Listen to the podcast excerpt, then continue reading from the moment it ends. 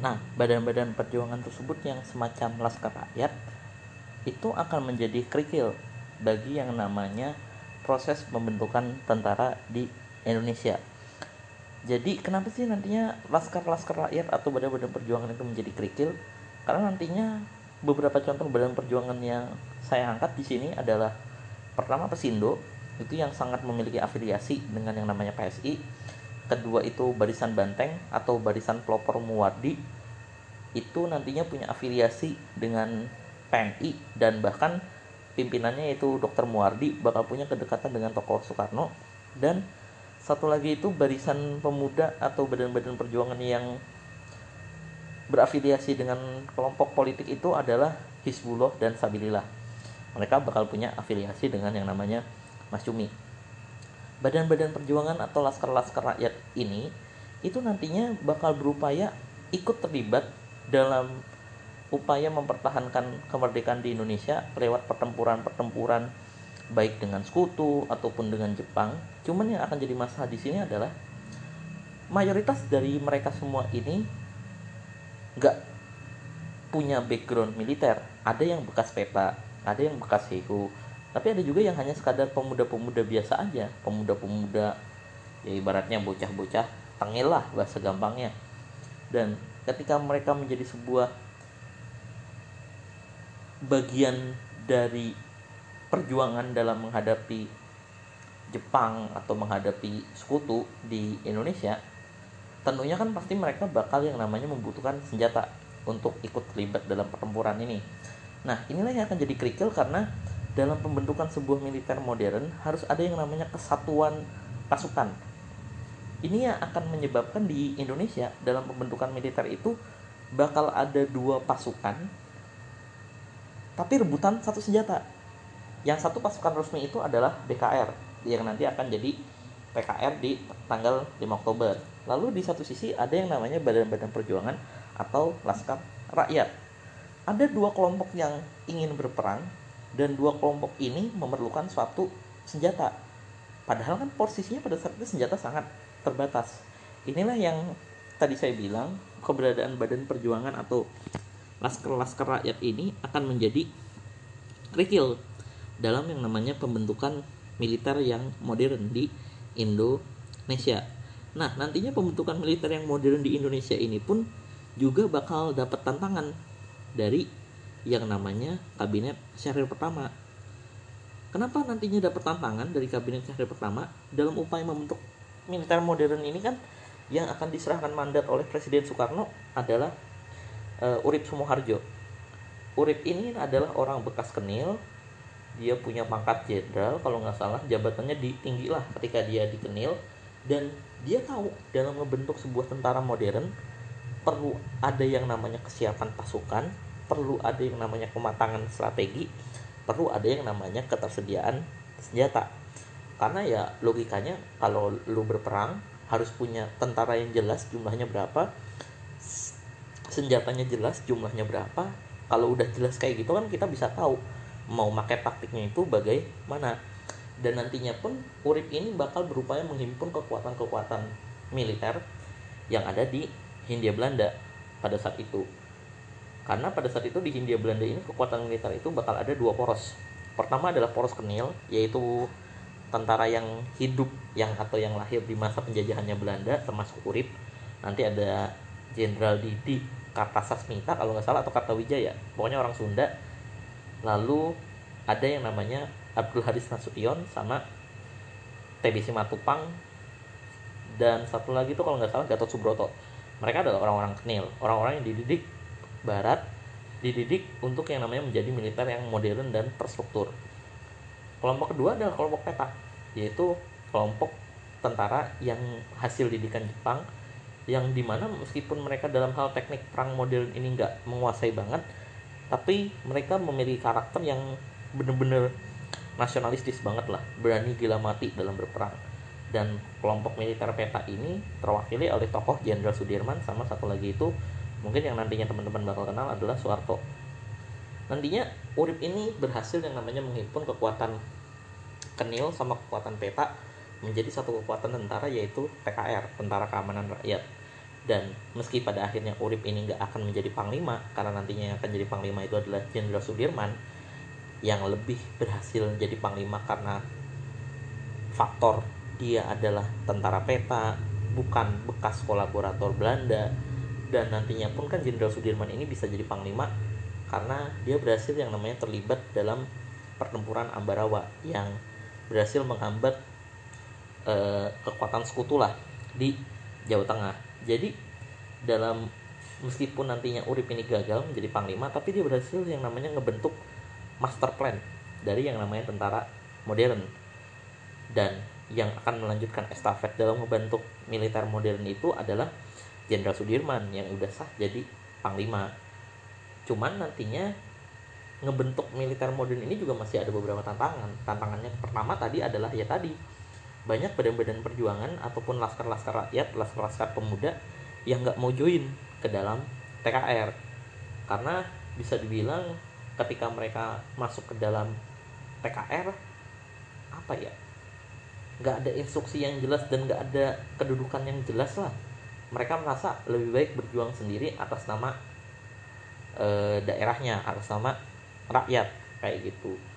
Dan nantinya dalam proses pembentukan militer modern ini bakal ada konflik antara Jenderal Sudirman dengan yang namanya kabinet Syahrir. Perihal ketika nantinya bakal ada eh, pertemuan dalam pemilihan panglima militer sama Menteri Pertahanan di tanggal 12 November 45 guna memperkuat TKR. Di situ kan dalam pertemuan 12 November kan Sudirman yang terpilih jadi panglima itu bakal ditemani sama Jen, sama Sultan Hamengkubuwono IX yang akan menjadi Menteri Pertahanan. Cuma nantinya usulan dari kelompok militer ini untuk mengangkat Sri Sultan Hamengkubuwono IX menjadi Menhan itu ditolak sama kabinet Syahrir. Alasannya adalah apa yang dilakukan oleh kelompok militer ini melangkahi pemerintah.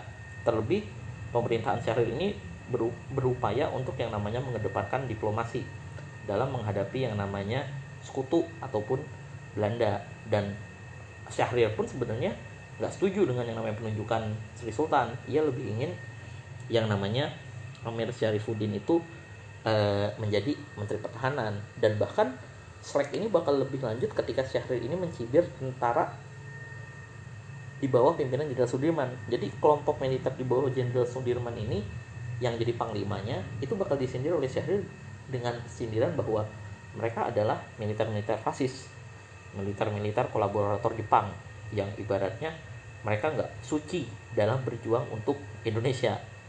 Sindiran itu pun benar-benar nyakitin hatinya Jenderal Sudirman lah dan kelompok militer lainnya. Ini yang akan ngebuat nantinya kelompok militer di bawah Jenderal Sudirman ini akan punya kedekatan dengan Tan Malaka. Itu yang nanti akan saya jelasin berikutnya. Dan sindiran dari Syahrir tersebut lahir karena menurut Syahrir militer yang ideal adalah militer yang berpendidikan militer yang punya pemikiran politik yang kuat yang punya landasan politik yang kuat makanya nanti Syahrir dan Amir Syarifuddin khususnya Amir ya Amir itu bakal ngegagas yang namanya pembentukan uh, staf pendidikan politik bagi TNI eh bagi TKR guna yang namanya melahirkan militer-militer yang gak cuma bisa perang tapi punya yang namanya pemikiran politik kesadaran politik ketegasan dalam berpikir sehingga itu menjadi karakter militer yang kuat.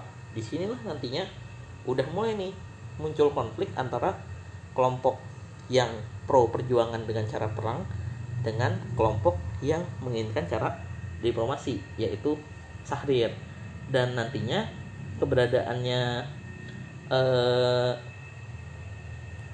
kelompok militer ini itu bakal yang namanya eh, sokongan dari yang namanya Tan Malaka.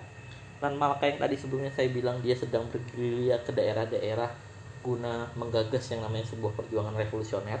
Nanti di awal bulan Januari 46, Tan Malaka itu bakal yang namanya ngegagas pendirian Persatuan Perjuangan. Persatuan Perjuangan ini intinya adalah sebuah organisasi massa yang menghimpun berbagai barisan pemuda, laskar rakyat, atau organisasi apa pun lah yang ikut bersatu untuk yang namanya memperjuangkan Indonesia mencapai kemerdekaannya secara total, secara 100%.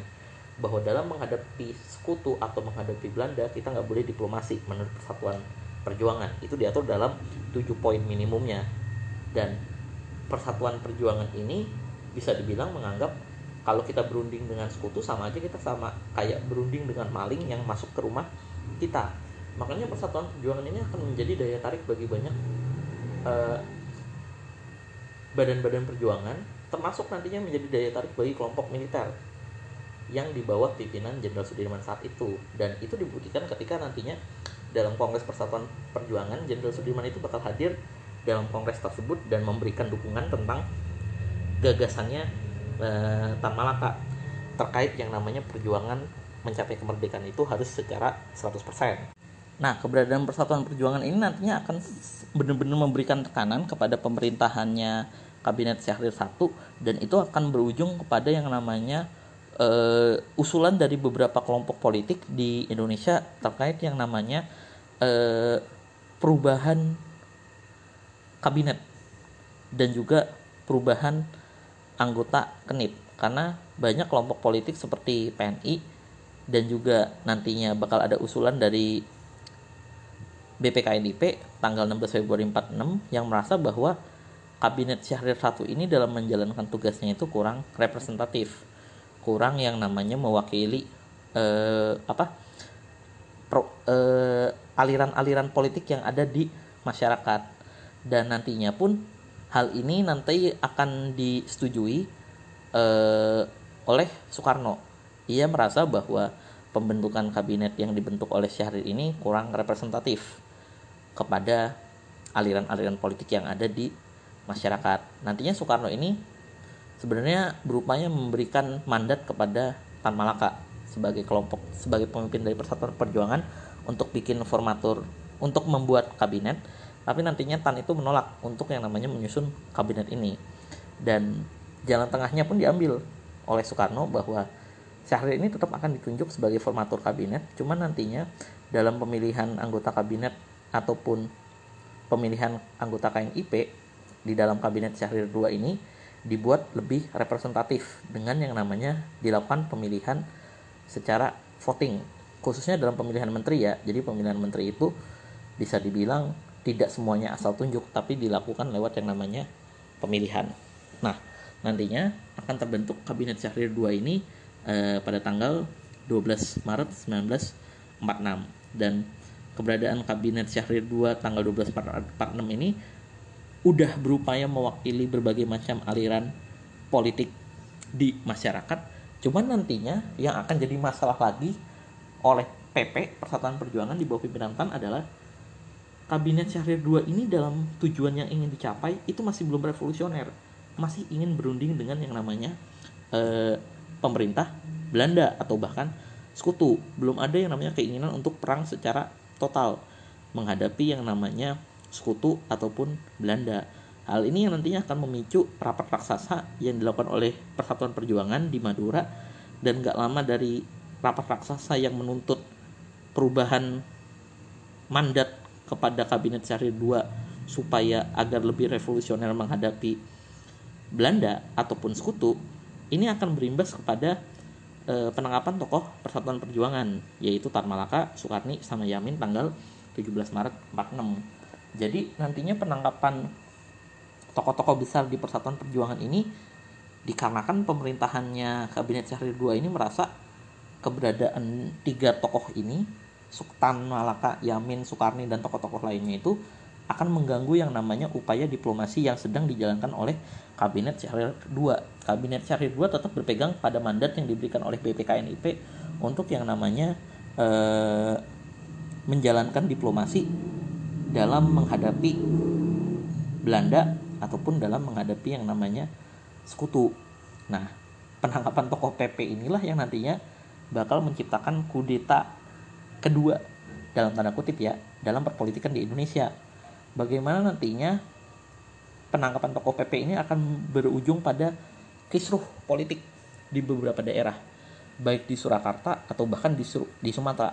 Revolusi sosial secara tidak langsung yang disampaikan oleh materi kelompok 7 itu nggak lepas dari yang namanya agitasi yang dilakukan oleh kelompok persatuan perjuangan dan ini nantinya yang bakal menjadi revolusi besar dan menjadi latar belakang dari kudeta tanggal 3 Juli 46 itu adalah revolusi sosial yang ada di Surakarta yang di mana dalam revolusi sosial tersebut berupaya untuk menurunkan yang namanya sistem kesunanan yang ada di Surakarta.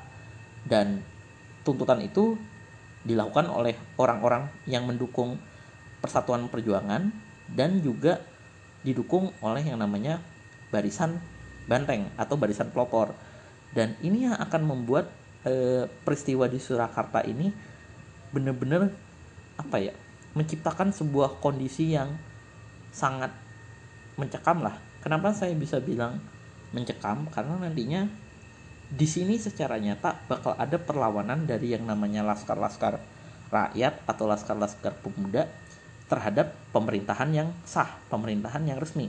Karena kan posisinya pada saat itu Surakarta yang udah menjadi daerah istimewa itu diakui oleh pemerintah pusat dan tindakan yang dilakukan oleh orang-orang pendukung persatuan perjuangan ataupun barisan banteng ini dalam tanda kutip melawan yang namanya kedudukan sah pemerintah. Makanya nantinya demi mengatasi gejolak di Surakarta itu pemerintahan Sahrir itu bakal yang namanya nerapin status keadaan perang di Surakarta tanggal 7 Juni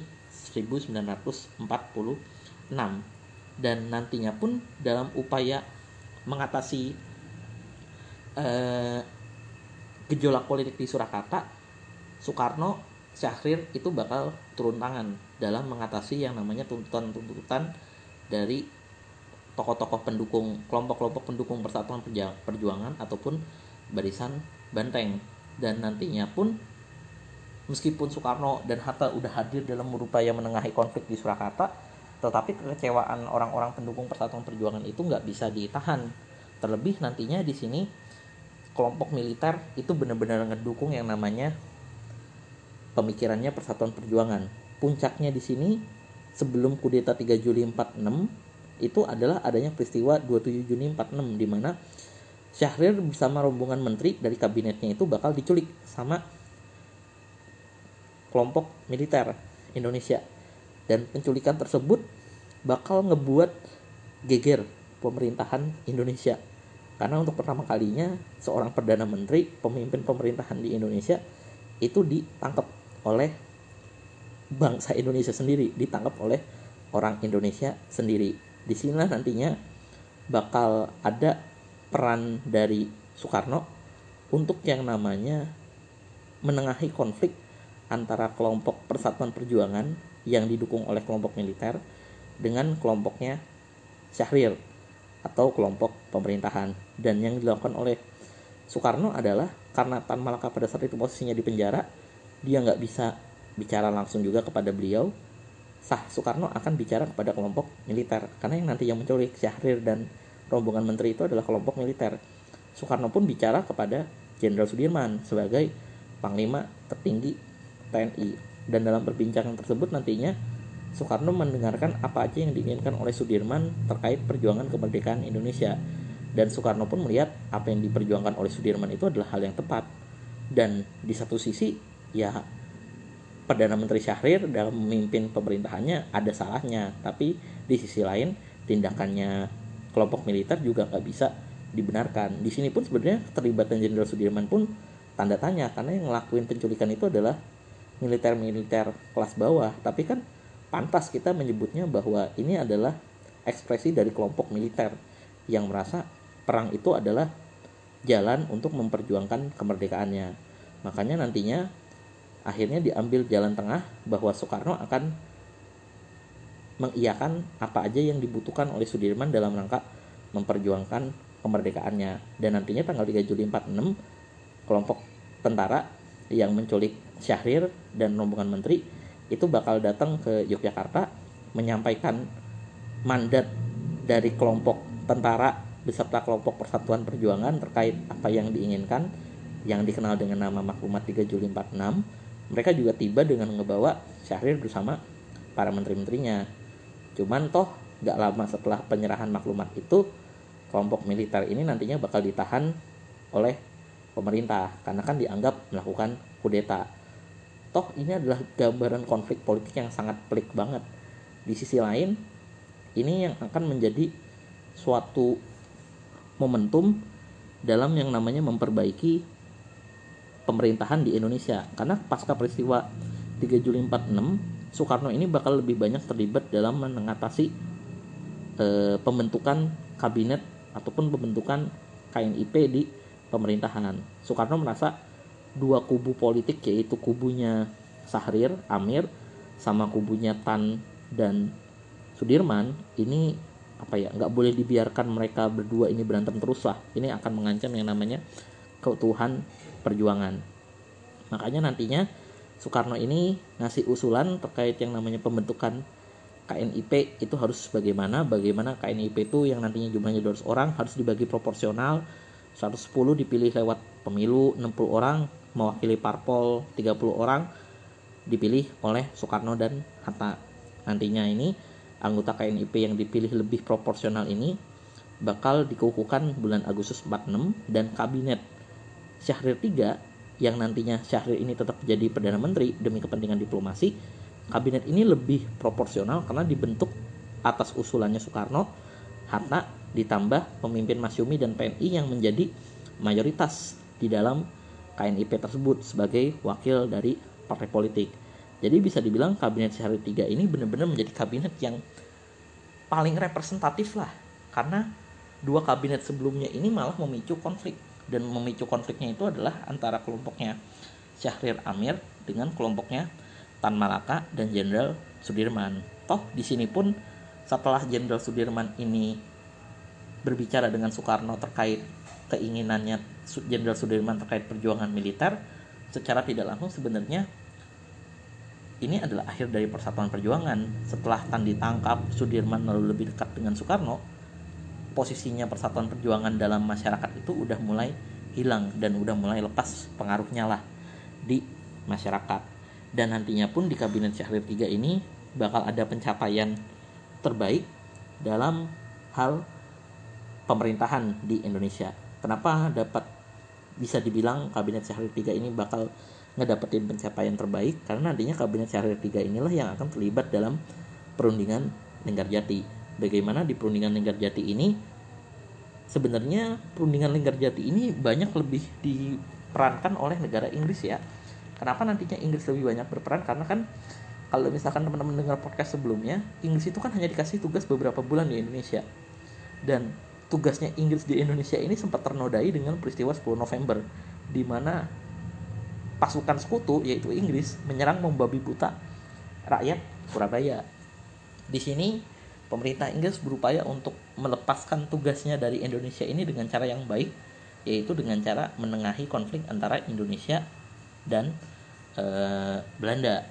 Karena pemerintah Inggris merasa kalau konflik Indonesia dan Belanda ini tetap berlanjut, maka citranya Inggris di mata internasional ini akan tercoreng bahwa Inggris ini dianggap gagal dalam menjalankan tugasnya di Indonesia. Selaku pasukan AFNE Allied Force Netherlands as Indies kayak gitu.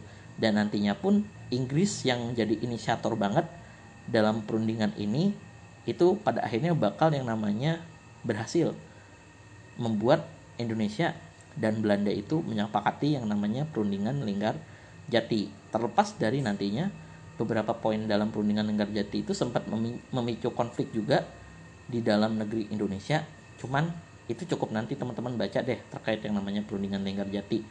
Toh pada akhirnya sebenarnya perundingan Linggarjati itu adalah perundingan yang untuk sementara ini apa ya membuat Indonesia itu dalam posisi cooling down dulu lah setelah di masa awal-awal pemerintahan ini udah ngalamin yang namanya dua kudeta dalam diam, konflik politik, persaingan politik dan lain sebagainya.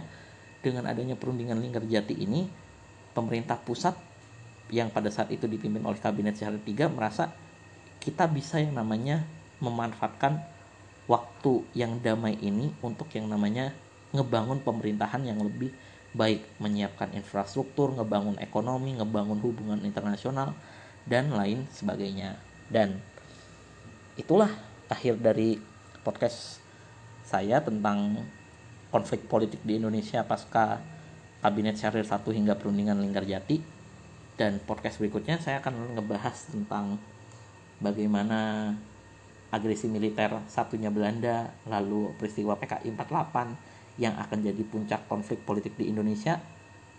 Hingga nantinya ada perjanjian Renville, lalu Rumroyen, KMB, agresi militer 2 dan lain-lain lah. Mungkin itu aja dari saya. Terima kasih, selamat sore. Oke, selamat sore. Hari ini saya akan kasih podcast lanjutan materi sejarah Indonesia dan hari ini saya akan bicara tentang bagaimana kondisi perpolitikan di Indonesia dari semenjak runtuhnya kabinet Pucuk eh, yang nantinya akan digantikan oleh kabinet Syahrir 1 di bulan November 45 hingga ke perundingan Linggarjati yang nantinya akan menjadi apa ya kesepakatan pertama lah untuk memperbaiki situasi di Indonesia dalam konflik yang dihadapi dengan Belanda. Tapi sebenarnya sebelum mulai ke pemaparan di podcast ini saya lebih ke arah ngejelasin terkait bagaimana situasi perpolitikan di Indonesia pada pasca kemerdekaan terlebih nantinya yang harus teman-teman tahu bahwa kondisi perpolitikan di Indonesia ini yang pertama terjadi adalah kita nggak bisa ngebangun pemerintahan yang baik banget pada masa itu. Kenapa kita nggak bisa ngebangun pemerintahan yang baik di masa itu? Ini terjadi karena Indonesia pasca proklamasi harus yang namanya menghadapi kedatangan sekutu. Dan ketika kita menghadapi kedatangan sekutu itu bisa dibilang arah perjuangan kita pun jadi kepecah kepecah menjadi dua yang tadi yang mestinya itu kalau negara udah merdeka itu berfokus ngebangun negaranya, ngebangun pemerintahan, institusi, ekonomi dan lain sebagainya. Tapi setelah Indonesia merdeka kita harus ngadepin yang namanya pertempuran. Baik itu dengan sekutu ataupun dengan khususnya ya, yang paling utama adalah upayanya Belanda untuk kembali berkuasa di Indonesia. Dan dalam perjuangan ini sebenarnya akan ada muncul dua opsi untuk mempertahankan perjuangan tersebut. Opsi pertama adalah opsi diplomasi dan sebenarnya opsi diplomasi ini akan lahir benar-benar lahir ya itu adalah pasca peristiwa 10 November melihat bagaimana pertempuran antara rakyat Indonesia dengan sekutu yang benar-benar brutal banyak orang mati sia-sia menghadapi kekuatan militernya sekutu yang memang pada saat itu nggak nggak seimbang posisinya. Sekutu punya tank sekutu punya pesawat sekutu punya kapal laut yang bisa nembak dari pelabuhan. Kita masih cuma modal senjata api itu pun senjata ngebat dari Jepang. Ngadepin tank pun kita cuma modal megang pisau maju ke dalam tanknya buat ngebunuh sopirnya. Nggak ada yang namanya tank nembak tank. Itu yang nantinya akan ngebuat muncul pandangan terkait menghadapi uh, situasi seperti itu perlu yang namanya sebuah diplomasi menghindari yang namanya pertumpahan pertumpahan darah lah tapi nantinya opsi kedua dalam perjuangan ini adalah opsi untuk yang namanya terus bertarung menghadapi yang namanya Belanda yang ingin berkuasa lagi di Indonesia. Opsi yang kedua ini nantinya bisa dibilang akan menjadi sangat dominan karena apa ya bisa dibilang ekspresi kekesalan sih ekspresi jiwa-jiwa revolusioner masyarakat Indonesia pada saat itu yang memang benar-benar menginginkan bahwa negara Indonesia itu benar-benar merdeka mandiri merdeka utuh tanpa adanya campur tangan lagi dari bangsa lain dan jalan pertempuran pun adalah jalan yang harus dilalui. Itu adalah gambaran dari berbagai dari bagaimana nantinya ada muncul dua pandangan politik terkait Indonesia nih setelah merdeka lalu harus menghadapi yang namanya penjajah, kita harus berjuang dengan cara apa? Apakah dengan cara diplomasi atau dengan cara uh, bertarung? Dan nantinya jika kita bicara terkait bagaimana cara kita berjuang setelah kemerdekaan, maka kita akan ngebahas juga keberadaan yang namanya tiga dui tunggal di Indonesia pada masa kemerdekaan. Dan tiga dui tunggal ini bisa dibilang memiliki karakternya masing-masing. Mungkin teman-teman paling familiar dengan dui tunggal yang pertama adalah Soekarno Hatta. Presiden dan wakil presiden pertama, tokoh yang dipandang, apalagi Soekarno karismanya sebagai seorang orator ulung bener-bener disukai sama rakyat. Hatta juga adalah orang yang sangat kalem, tenang, mencoba menyelesaikan segala sesuatu dengan kepala dingin ini yang ngebuat nantinya Dwi Tunggal yang pertama yaitu Soekarno Hatta adalah tokoh yang memang memiliki karakteristik sangat nasionalis. Dalam arti adalah ketika ada berbagai konflik di masyarakat ataupun permusuhan yang ada di lapangan terkait yang namanya entah itu pertempuran, entah masalah pemerintahan dan lain-lain dan lain-lain, kehadiran Soekarno dan Hatta ini bisa menjadi yang namanya penengah dalam konflik di masyarakat. Makanya kita menganggap Dwi Tunggal Soekarno Hatta ini sebagai Dwi Tunggal pemersatu lah Indonesia pada masa awal-awal 45. Dwi Tunggal yang kedua adalah Syahrir dan Amir. Dua dibilang pemuda juga nggak pemuda sih karena umurnya udah 30 mau masuk 40 tapi mereka merepresentasikan diri sebagai wakil dari para pemuda dan Syahrir dan Amir ini karakter yang paling identik dengan mereka adalah karakternya yang sangat sosialis banget bagaimana mereka mengedepankan yang namanya sebuah demokrasi mereka mengedepankan yang namanya sebuah kebebasan mereka mengedepankan yang namanya sebuah perjuangan itu harus punya karakter harus ada suatu hal yang dicapai dalam sebuah perjuangan. Bisa dibilang Syahrir dan Amir ini sebagai representasi golongan pemuda yang khususnya yang terdidik ya, itu memang berupaya untuk menciptakan suatu pemerintahan yang sosialis, yang demokratis, yang nantinya dalam mencapai upaya mempertahankan kemerdekaan akan mengedepankan jalan-jalan diplomasi. Baik nantinya ketika saat Syahrir menjadi Perdana Menteri di tiga kabinet kabinet Syahrir 1, 2, 3 ataupun nanti ketika Amir menjadi Perdana Menteri. Itu dua tokoh ini akan mengedepankan yang namanya jalan diplomasi. Lalu Dwi Tunggal yang ketiga itu adalah Tan Malaka sama Jenderal Sudirman. Dan sebenarnya keberadaan Dwi Tunggal Tan Malaka dan Jenderal Sudirman ini bisa dibilang apa ya? Dwi Tunggal yang sangat dadakan lah. Kalau Soekarno Hatta itu udah pernah dekat dan bahkan berjuang bareng di masa pergerakan nasional tahun 30-an Syahrir dan Amir berjuang bersama di masa uh, pendudukan Jepang. Tan Malaka sama Jenderal Sudirman ini adalah dua tokoh yang ibaratnya baru ketemu, tapi mereka bisa mengalami persamaan visi, persamaan misi, persamaan gagasan terkait bagaimana Indonesia ini ketika harus diperjuangkan, haruslah diperjuangkan secara total. Harus diperjuangkan dengan cara merdeka secara 100%. Dan kenapa nantinya bisa dibilang kedua tokoh ini Dwi Tunggal ini sangat dadakan? Karena ketika Sudirman ini adalah yang nantinya akan menjadi Panglima TNI pada masa Jepang itu dia menjadi bagian dari tentara peta. Tan Malaka ini bisa dibilang adalah tokoh legendarisnya pergerakan nasional di Indonesia. Dia udah berjuang dari zaman-zaman PKI tahun 20-an, sempat hilang dari peredaran karena dia harus pergi-pergi ke berbagai negara karena menjadi buronan internasional akibat posisinya dia sebagai wakil Komintern dan Tan Malaka itu nanti baru muncul kembali di masa-masa pendudukan Jepang di mana nantinya Tan Malaka ini kehadirannya bakal benar-benar menjadi apa ya?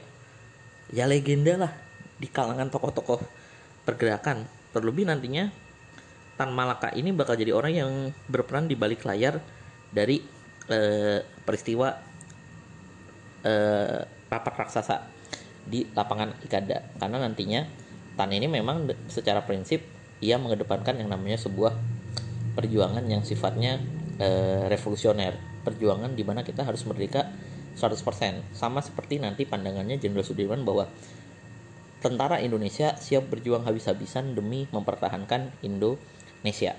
Nah, itu adalah gambaran dari yang namanya keberadaan triumvirat Indonesia ini dan nantinya sebenarnya eh, kok bisa sih terjadi yang namanya konflik di antara ketiga triumvirat tersebut yang pertama harus dipahami di sini adalah nantinya selama periode dari terbentuknya kabinet Syahrir 1 sampai perundingan Linggarjati itu bakal ada banyak beberapa perdebatan yang terjadi di antara tiga triumvirat tersebut. Mungkin yang pertama saya akan lebih bicara dulu tentang ngebahas tokoh Tan Malaka karena nantinya dia ini punya peranan penting dalam periode konflik ini dari bulan November 45 hingga perundingan Jati. Jadi Tan Malaka itu nantinya di samping tadi yang udah saya bilang sebelumnya dia terlibat dalam peristiwa lapangan Ikada, nantinya kelegendarisan tokoh Tan ini akan mengundang perhatian Soekarno jadi nantinya setelah proklamasi Tan Malaka itu bakal sempat ketemu sama Soekarno dan di sini sebenarnya Soekarno yang ingin bertemu Tan Malaka karena bisa dibilang tulisan-tulisan Tan Malaka di masa pergerakan nasional seperti aksi massa ataupun Narda Republik Indonesia itu menjadi salah satu inspirasinya Soekarno dalam orasi-orasinya di periode tahun 30-an ketika masa pergerakan nasional. Di sini ya ibaratnya Soekarno pengen berguru lah kepada tokoh Tan Malaka dan pertemuan Soekarno dan dengan Tan Malaka ini nantinya akan menghasilkan pembicaraan terkait bagaimana situasi Indonesia pada saat itu. Di situ Tan membicarakan bahwa besar kemungkinan sekutu akan tiba di Indonesia dan bisa saja nantinya kedatangan sekutu ini akan mengancam kedudukan yang namanya pemerintahan Indonesia. Terlebih pada saat itu pemerintahan Indonesia berpusat di Jakarta. Maka dari itu Tan mengharapkan jikalau nanti sekutu datang pemerintahan di Indonesia ini ditarik mundur jangan di pusat perkotaan, ditarik ke pedalaman guna apa ya? menghindari kontak dengan sekutu lah karena takutnya pemerintahan Indonesia ini nantinya dianggap invalid oleh uh, uh, tentara sekutu yang tiba di Indonesia.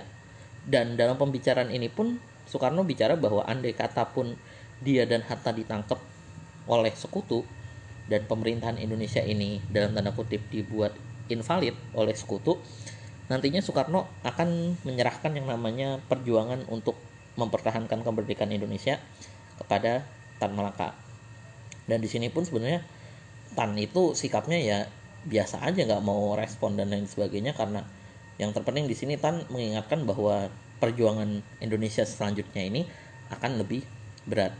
Di sini nantinya pembicaraan terkait situasi tersebut akan dilanjutkan oleh Soekarno dalam sidang kabinet di minggu ketiga September tahun 45. Jadi sidang kabinet itu membicarakan terkait ancaman-ancaman yang bisa saja mengancam kedudukan pemerintahan Indonesia.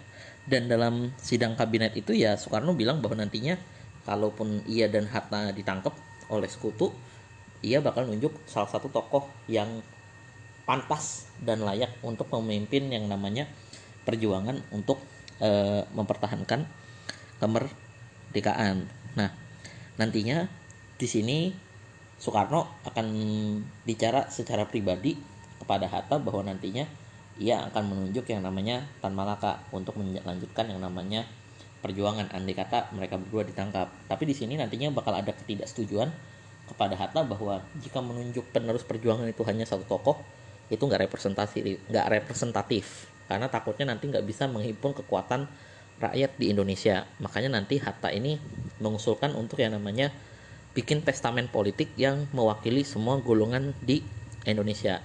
Dan nantinya pun testamen itu bakal dibuat bulan Oktober 1 Oktober 45 yang di mana dalam testamen tersebut bakal dipilih empat tokoh untuk mewakili perjuangan eh mewakili perwakilan-perwakilan kelompok politik di masyarakat dalam rangka menghadapi perjuangan mempertahankan kemerdekaan. Ada Syahrir sebagai wakil dari kelompok sosialis, Tan Malaka dari kelompok revolusioner mungkin dianggapnya juga dianggap sebagai cukup mewakili kelompok-kelompok komunis.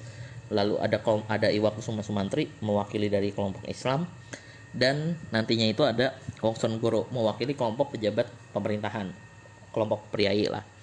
Nantinya testamen politik 1 Oktober 45 itu jadi bekal bagi Tan Malaka untuk yang namanya mempertahankan apa ya, modal untuk melanjutkan perjuangan guna mempertahankan kemerdekaan Indonesia. Karena nantinya pasca testamen politik tersebut Tan berupaya memperluas pengaruh-pengaruh revolusioner dalam menghadapi ancaman-ancaman bagi kemerdekaan Indonesia dengan bergerilya ke daerah-daerah seperti itu. Dan nantinya ya keberadaan Tan ini benar-benar mengundang minat banyak tokoh lah. Termasuk nantinya juga Syahrir.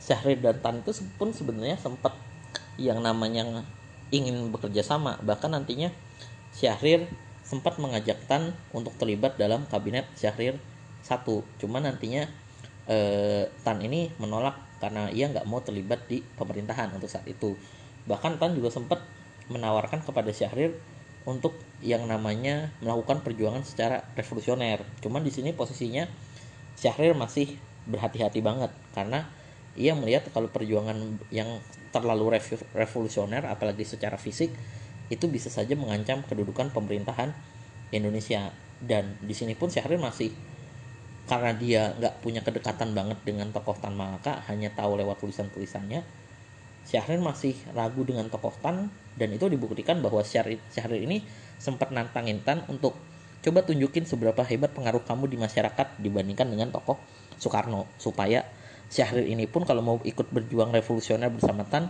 ia punya pertimbangan yang matang karena sejauh ini dia Syahrir itu uh, ikut terlibat dalam perjuangan bersama Soekarno karena Soekarno itu mendapat dukungan massa yang banyak. Nah, nantinya ini dalam perpolitikan di Indonesia kabinet Syahrir ini bakal ngalamin yang namanya pergantian hingga tiga kali. Ada kabinet Syahrir 1, kabinet Syahrir 2, dan kabinet Syahrir 3. Kabinet Syahrir 1 ini yang nantinya menggantikan kabinet Buco ini bakal ngalamin yang namanya penolakan dari kelompok-kelompok politik Kenapa ditolak? Karena kabinet Syahrir satu ini ya bisa dibilang sangat satu nggak representatif karena isinya itu mayoritas adalah kerabat kerabatnya Syahrir. Yang kedua nantinya kabinet Syahrir satu ini bisa dibilang eh, apa ya? Di samping kurang representatif, kabinet ini tuh nantinya juga diisi sama orang-orang yang dulu punya kedekatan dengan Belanda di masa periode tahun 20 sampai tahun 30-an. Dan ini yang dikecek ini yang sangat mengecewakan kelompok tua khususnya yang dulu berjuang banget di masa pergerakan nasional seperti Iwakusuma Sumantri ataupun Suwardi Suryaningrat yang merasa bahwa kok kabinet ini kok satu nggak representatif, kedua hanya orang-orang terdekatnya Syahrir dan Amir dan kabinet ini pun juga dalam hal apa yang ingin ia capai kabinet Syahrir satu ini nggak membicarakan terkait yang namanya perjuangan mempertahankan kemerdekaan Indonesia secara nyata. Yang ada hanya sebatas terkait yang namanya menciptakan keamanan dan ketertiban di Indonesia. Makanya nantinya upaya kelompok-kelompok untuk menghadapi yang namanya kabinet Syahrir satu ini akan dilakukan lewat jalur politik yaitu lewat maklumat X 3 November di mana itu kan maklumat itu kan sebenarnya udah lahir sebelum adanya kabinet Syahrir 1 kelompok-kelompok politik yang enggak terwakili di eh, kabinetnya Syahrir itu bakal yang namanya menghidupkan kembali partai-partai politik guna menjadi pesaing lah dalam pemerintahan di Indonesia saat itu karena tatkala kabinet Syahrir satu ini berdiri, nantinya kelompok yang akan menjadi dominan dalam pemerintahan adalah kelompok dari Partai Sosialis Indonesia atau PSI. Nantinya kan akan muncul beberapa partai politik besar yang akan bertahan terus hingga berakhirnya Orde Lama. Partai-partai besar yang nantinya lahir dan bersaing dalam periode ini ada antara lain ada Mas Yumi, lalu ada PKI, dan ada PNI ditambah sama PSI. Jadi nantinya bakal ada empat partai yang dalam tanda kutip akan saling bersaing secara politik guna apa ya? Bisa dibilang mengedepankan gagasan ideologinya atau bisa dibilang bersaing dalam memperebutkan kekuasaan di antara keempat partai politik tersebut. PSI dengan sosialisnya, PKI dengan komunisnya, PNI dengan nasionalisnya, dan Mas Yumi dengan Islamnya. Toh dari yang namanya keberadaan partai-partai tersebut itu akan menjadi semacam apa ya di satu sisi itu menjadi sebuah cerminan dari bagaimana negara Indonesia ini eh, akan melanjut akan apa ya akan menjadi sebuah pemerintahan yang sangat demokratis lah. Karena eh, keberadaan banyaknya partai politik ini menunjukkan bahwa negara Indonesia setelah merdeka ini udah siap kepada tatanan yang lebih tinggi dalam sebuah pembentukan pemerintahan yang demokratis yaitu pemerintahan yang memiliki banyak partai yang memiliki banyak aspirasi rakyat. Cuman nantinya kelahiran partai-partai ini akan memicu yang namanya kelahiran badan-badan perjuangan. Nah, keberadaan badan-badan perjuangan ini sebagai afiliasi dari partai politik jadi kan yang harus teman-teman tahu bahwa partai politik ini kan dibentuk dalam rangka bahasa gampangnya kalau dalam bahasa ilmu politik adalah merebut kekuasaan dan dalam upayanya merebut kekuasaan otomatis partai politik akan mencari pengaruh kan memperluas pengaruhnya mereka di masyarakat kan nantinya banyak partai politik itu yang membuat yang namanya eh, badan-badan perjuangan. Nah badan-badan perjuangan ini yang diisi oleh mayoritas para pemuda ini mereka adalah semacam laskar-laskar rakyat